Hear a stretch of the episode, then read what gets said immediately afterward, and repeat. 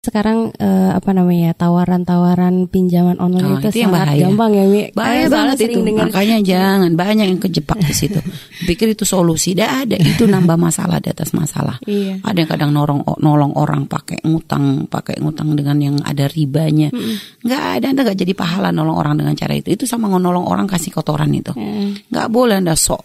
Kok kayak kalau nanti kita nggak nolong, itu kan kesombongan semua. Dimulai dari kesombongan, merasa punya solusi, bisa memberi solusi untuk semua permasalahan ini.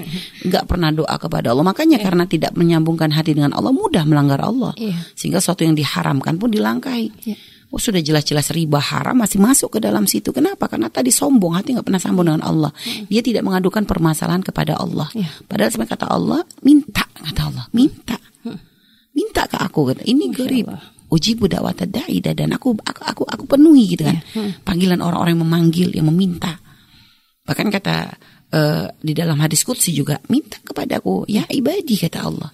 Wahai hambaku minta kalau kita apa kita minta kepada Allah? Artinya jangan jangan sombong gitu loh. Kita punya Allah. Dan bagi orang yang merasa punya Allah dia tidak akan merasakan hidupnya susah. Karena dia tahu ada Allah tempat dia kembali.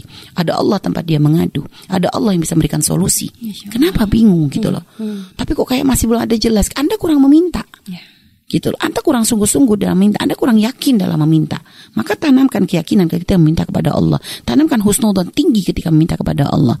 Jadi terus meminta, meminta kepada Allah. Allah nggak akan ingkar janji. Allah sudah janji. Kalau belum, bukan berarti Allah tidak mengkabul. Allah akan memberikan di waktu yang lebih tepat. Dengan sesuatu yang lebih pantas, lebih baik kan gitu. Jadi tetap membangun prasangka baik kepada Allah itu penting.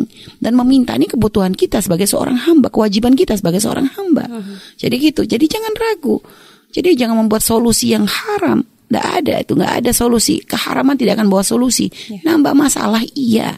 Gitu loh. Berapa banyak kita lihat hancur orang gara-gara seperti itu. Iya. Dia sok pengen mencari solusi, hancur. Berapa banyak kena ujian yang lebih berat lagi. Dia dengan dengan cara mengambil yang haram. Maka jangan main-main urusan syariat. Harga mati sudah. Baik, Baik Allah alam